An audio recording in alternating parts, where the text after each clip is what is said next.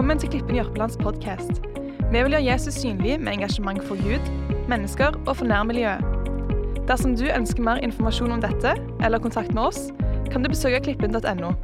Du vil nå høre en podkast fra et av våre møter. God fornøyelse.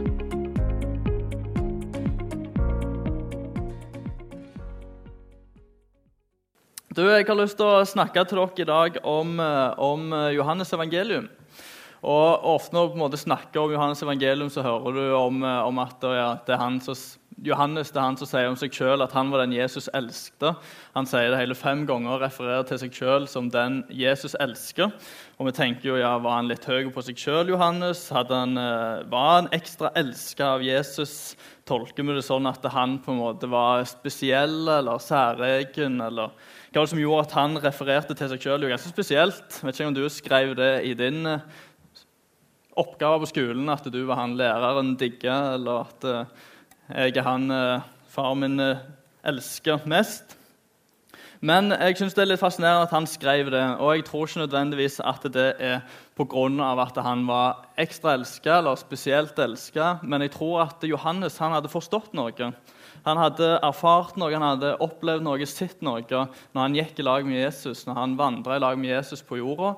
Det han skrev, det han hørte, det han noterte ned, det tror jeg var noe i som han hadde forstått, som var noe mer enn bare ord.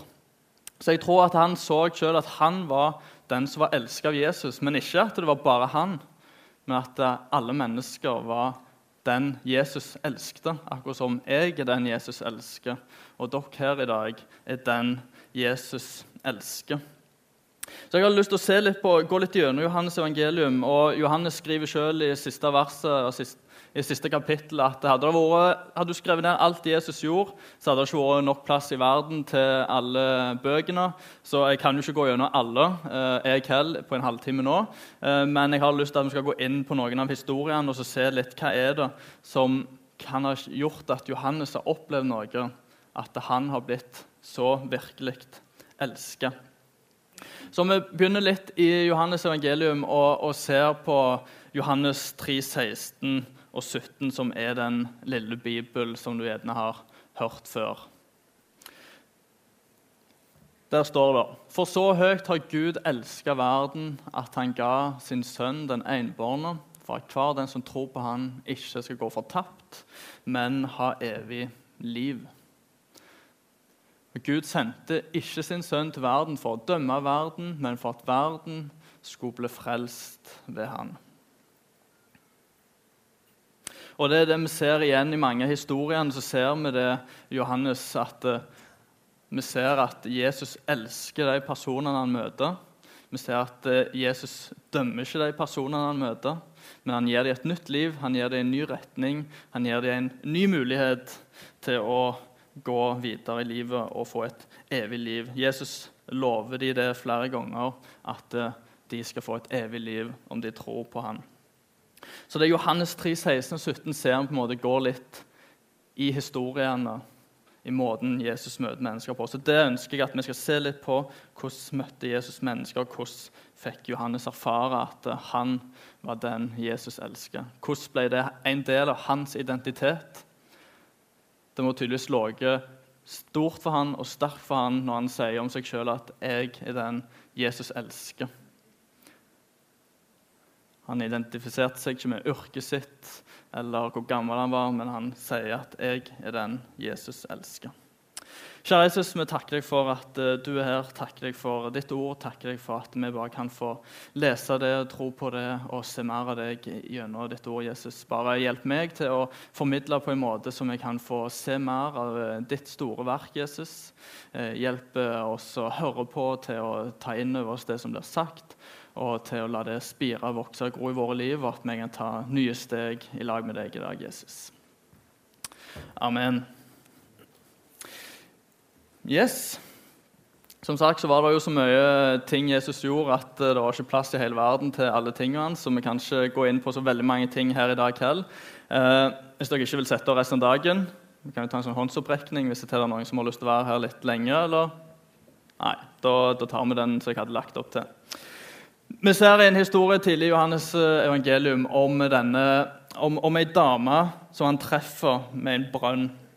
Jesus og disiplene skal reise til Galilea, eh, og de reiser gjennom Samaria.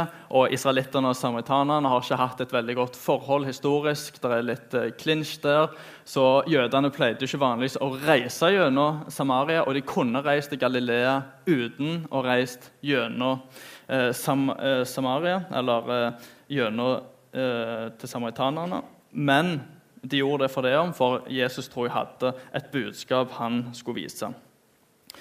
Jesus han, står at han ble sliten eller han ble trøtt, han ville hvile. Han eh, trengte vann. Han sendte disiplene inn i en by. De skulle eh, kjøpe mat til han. Og så, Imens han venta alene med brønn, en brønn utenfor byen, så kom det ei dame. Og, og, vi ser at hun, Dama kom alene på et litt uvanlig tidspunkt. Som regel så kom alle damene og henta vann på likt, men hun kom litt utenom. Og vi leser og forstår at hun gjennom mest sannsynlig var kjent for sine mange synder og ble liksom, gikk litt for seg sjøl alene. Hadde ikke lyst til å være i lag med resten av folka. Og Hun kommer til denne brønnen og hun eh, treffer Jesus, og Jesus tar initiativet og så sier til henne kan du gi meg noe vann. Jesus tar initiativet til å snakke med denne dama, og han som mann eh, i det hele tatt skulle ikke være så på initiativ med hun. Ja, han var jøde, og han, var, og han eh, eh, skulle ikke på en måte være sånn på hun. Men eh, vi ser òg at eh, religionslærere og ledere på den tida de satte ikke damene så høyt. Så det at eh, han kom og snakket til hun, da ble nok hun ganske overvelda. Ganske sånn hva, hva, er det du gjør for noe? Jeg blir litt overraska, rett og slett. Og så, og så, står de og snakker, og jeg hopper litt i historien. Og, eh, og Jesus begynner å snakke om, om livet hennes, og snakker rett inn i livet. Og så sier han til henne må gå og hente mannen din. Og så sier hun ja, men jeg har ingen mann. sier Jesus det er rett. Du har hatt fem, og han du har nå, er ikke din. Så Jesus ser rett inn i livet til denne dama og ser tinga som hun på en måte har blitt utstøtt litt fra samfunnet for. Og så ser hun at dette er jo en ikke helt vanlig person. Dette er Messias. Og Jesus han bare ikke ser disse tingene og, og dømmende, men vi ser at Jesus han ser denne tingen, han ser disse skyggesidene hennes. Men så springer hun inn i byen og forteller andre om Jesus. og Flere kom til tro, og hun drar med seg mange ut til Jesus. og flere kom til tro. Jesus så det hun hadde gjort, men han brukte den til noe enda større enn det som det vonde hun hadde gjort. Så tenker jeg bare litt sånn OK, dette har Johannes skrevet. Hun her ble en misjonær. Hun fikk stor innflytelse på denne byen, på dette landet. Og tenk det å bare være hun dama som på en måte har gått for seg sjøl, som har blitt litt sånn skjøvet ut, som har gjort mange ting som hun angrer på, har fått litt dårlig rykte. Og så plutselig er det en mann som snakker rett inn i livet hennes, som interesserer seg for henne, som ønsker å, å være med henne og snakke med henne og interessere seg for livet hennes, og ser forbi det hun hadde gjort, og bruker henne til noe enda større enn hun sikkert hadde sett for seg. Jesus lot ikke disse kulturelle og historiske og, og ja, skillene med landene Han lot ikke det påvirke hvordan han møtte mennesker. Men han så rett til livet, selv om eh, landet deres hadde krangla, selv om folket deres hadde krangla, selv om religionene og alt var klinsj, så så fortsatt Jesus rett til livet til denne dama. Og hun fikk et nytt liv, og der hun fikk påvirka enormt mange flere folk. Det neste jeg har lyst til å se litt på, er denne helbredelsen med, på sabbaten. En mann som uh, ligger med en dam som de kaller for Betestadammen. Han, det står han har ligget i 38 år, mest sannsynligvis da lama, og venter på at en engel skal komme ned i, i vannet og røre om vannet. og så er det første som kommer nedi. Han blir frisk, sa historien og myten. Men Jesus der igjen kommer forbi, og han lamaen tok initiativet til Jesus, men Jesus kom bort til han og så spør han vil du bli frisk. Og vi ser det Jesus han møter mennesker sånn på andre måter i Bibelen òg. Han spør hva vil du jeg skal gjøre for deg. Jesus spør vil du bli frisk, og han begynner å si nei, men jeg klarer ikke å komme meg ut i dammen. Jeg har ikke venner til å gjøre det, jeg klarer ikke å få meg sjøl uti. Jeg får det ikke til. Men Jesus sier, 'Reis deg opp og gå. Ta båra di med deg.' Og han står opp, og han får kraft i beina. Mannen fokuserte på det som han ikke fikk til, hans, eh, hvor hans eh, limiter og hans grenser var, men Jesus kommer og på en måte fyller det gapet. Og det var sabbat. Det, var, det ble litt oppstyr pga. det. Det var liksom en hviledag. Og de religiøse lederne ble litt sånn eh, Du må ikke bære båra di, du må ikke gjøre helbredelser på, på sabbaten. Men det jeg tror, det var at Jesus han visste jo at dette var en hviledag. Men han gjorde, det nok bevisst. Og så ga han denne mannen en virkelig hvile. Det var ikke det var ikke bare sabbat der det skulle slappe av å skje noe, men han her mannen, som tydeligvis lei, han fikk en virkelig hvile. At sabbaten skulle være for at mennesker skulle få hvile, så, måtte, så ga Jesus han her en virkelig hvile. Og Denne mannen har mest sannsynligvis ligget i mange tiår for seg sjøl, ensom og sjuk, og hadde håp om at noe skulle skje, men han klarte ikke å imøtekomme kravene. Men så kommer Jesus går bort til han og helbreder mannen, så han får et nytt liv. Så ser vi i, videre i Johannes evangeliet så skriver han om ei dame som blir tatt i ekteskapsbrudd på fersk gjerning. Og Denne dama drar de ut i gata, og de religiøse lederne drar ut i gaten, sånn at alle, hele verden ser hva hun har gjort. Alle vet hva hun har gjort, alle vet hva hun er tatt for. Hun hører menn si at hun skal steines etter loven, hun skal dø. Hun er nok ganske redd. Og de, disse religiøse lederne sa dette for å prøve Jesus, der Jesus sa enten da fikk alternativet å følge loven og si at hun skulle dø, eller at han skulle ikke følge loven. Men så sier Jesus at den som er uten synd, kan hive den første steinen. Og én etter én snur seg rundt, for ingen var vel bedre enn hun. Og Jesus han eh, setter da ingen over hun dama. Ingen er bedre enn hun. Og, og, Jesus ser rundt seg, og så sier han kvinne, og bruker samme ord som han sier til sin egen mor når han henger på korset. Så jeg går ut ifra at det var på en, en fin måte. Eh, han sa, 'Kvinne, har ingen fordømt deg?' 'Hvor er de som fordømmer deg?' Ingen. De var godt. Og så sier Jesus, 'Heller ikke jeg fordømmer deg.' Gå bort og synd ikke mer. Hun dama hun hadde òg gjort ting som hun ikke burde, men allikevel Om verden står og peker på henne og trykker henne ned og ønsker at du skal få straff, så sier Jesus heller ikke jeg fordømmer deg. Gå og synd ikke mer. Få en ny start, et nytt liv.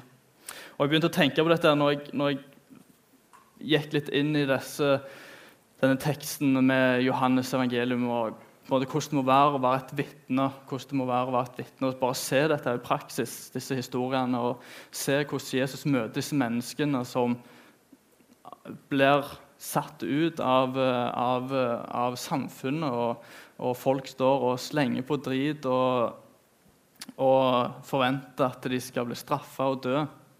Men så står fortsatt Jesus der og sier at du har mulighet til et nytt liv. Pga. hans store kjærlighet så får hun en ny start. Og For å være et vitne der så må det nok være ganske mye redsel i øynene hennes, mye angst. Hun er nok ganske redd når hun bare hører alle i bakgrunnen som sier dette her og anklagene. Hun angrer på det hun har gjort. Og så hører hun Jesus sine ord at 'heller ikke jeg fordømmer deg. Gå og synd ikke mer'. Vi ser i de historiene hvordan Jesus møter mennesker hvordan Jesus treffer disse menneskene. Både de som var skilt på land og kultur og religion. De som hadde gjort synd, de som hadde gjort ting som var imot loven. Hvordan folk som hadde sykdom og fysiske eh, grenser Jesus var der for alle og så forbi alle de tingene og så rett inn til deres hjerte. Og ga dem òg mulighet til å ta imot, til å tro på Han og få et nytt liv. Jesus sier i, i Johannes evangelium kapittel 15, vers 9-17 Det skal vi ta oss og lese i lag. Der sier Jesus.: Som Far har elska meg, har jeg elska dere. Ble i min kjærlighet. Hvis dere holder mine bud, blir dere i min kjærlighet, slik jeg har holdt min fars bud og blir i hans kjærlighet. Dette har jeg sagt dere at, for at min glede kan være i dere, og deres glede kan bli fullkommen. Og dette er mitt bud. Dere skal elske hverandre som jeg har elsket dere. Ingen har større kjærlighet enn den som gir sitt liv for vennene sine. Dere er mine venner hvis dere gjør det jeg befaler dere. Jeg kaller dere ikke lenger tjenere, for tjeneren vet ikke hva Herren hans gjør. Jeg kaller dere venner, for jeg har gjort kjent for dere alt jeg har hørt av min far. Dere har ikke utvalgt meg, men jeg har utvalgt dere og satt dere til å gå ut og bære frukt, en frukt som varer. Da skal Far gi dere alt dere ber om i mitt navn. Dette er mitt bud til dere. Elsk hverandre.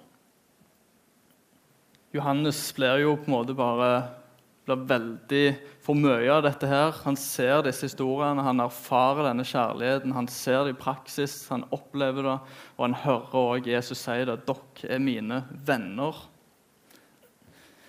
Som far elsker meg, elsker jeg dere. Det er en ren og helhjerta, dyp, personlig, utholdende kjærlighet en atmosfære som disiplene levde i. Og det handler om Jesu kjærlighet til oss. Ikke alltid vår til Han, men uansett Han elsker oss så høyt. Og Det tror jeg disiplene så, det tror jeg at de erfarte og de fikk kjenne på. De hørte det gjennom hans ord, og de så det gjennom hans gjerninger. Og sånn skal vi òg elske hverandre. Og det er ikke lett, så jeg tror vi må først være i hans kjærlighet og la den gjennomsyre oss og skinne ut gjennom oss. Så leser vi videre i, Johannes evangelium og kommer til korsfestelsen. Og det, og jeg tenkte når jeg prøvde å sette meg litt inn i hvordan det må ha vært og sett på dette her. Jeg vet ikke om dere har sett 'Passion of the Christ' eller noen sånne Jesus-filmer. Det er jo ikke akkurat noe fint syn du ser når Jesus henger på korset. Han har blitt pint, han har blitt torturert, det er blod, det er åpne sår, der er ikke mye fint. Og så står det at Johannes står med foten av korset og bare ser det som han går igjennom. Han ser at uh, han går igjennom som var, for, uh, som var for han, som var for Johannes. Alt han gikk gjennom. Heldigvis er ikke det slutten, at han dør på et kors, men han står opp igjen. Og Det må være sterkt for Johannes å ha sett alt dette som Jesus gikk gjennom. Og så vet han at det, det var for meg, det var for han. Og Sjøl på korset så sier Jesus, 'Far, tilgi dem, for de vet ikke hva de gjør'. Heldigvis er det ikke slutten, og Jesus står opp igjen. Og det er nok eh, gledesstemning og gledesbrus og heiarop og jubel. Og de hører, Disiplene hører at Jesus han er ikke lenger i grava. Og Så springer de til grava, en litt annen kul detalj med Johannes er at han sier i kapittel 20 at de løp sammen, men den andre disippelen løp fortere enn Peter og kom først. Jeg tenker Det er jo litt løye at Johannes selv oppe i denne situasjonen har et konkurranseinstinkt og får innprinta i Bibelen som den mest innflytelsesrike boka i verden, og får med at han var den raskeste disippelen. Og gjerne var den raskeste i Bibelen. Men de sprang, de sprang tydeligvis det de kunne, uansett om Johannes var raskest. Og de ser at Jesus har stått opp igjen. og der er god stemning. Eh, og, og nå er det jo tid for å vinne verden. Nå skal de vinne verden for Jesus. Men så skal jo Jesus reise opp til himmelen igjen. Beklager litt skjelven stemme. Men Jesus sier også til dem før, før, han reiser, at de kommer til å møte motstand. Men disse disiplene de har tydeligvis erfart noe, kjent på noe, sett noe, som gjorde at den ytre motstanden det skulle ikke bety noe. De skulle bare ut og fortelle det som de hadde erfart. Det var for godt til å sitte inne med. Johannes sjøl sier om seg sjøl han var den eh, disippelen som Jesus elsker. Og jeg tror bare den mengden han hadde fått av det som hadde sett, som Jesus hadde gjort, det som Jesus hadde sagt, det Jesus hadde vist, så tror jeg at han bare så at dette her, det er kjærlighet til oss. Og han sa, 'Jeg er den Jesus elsker'.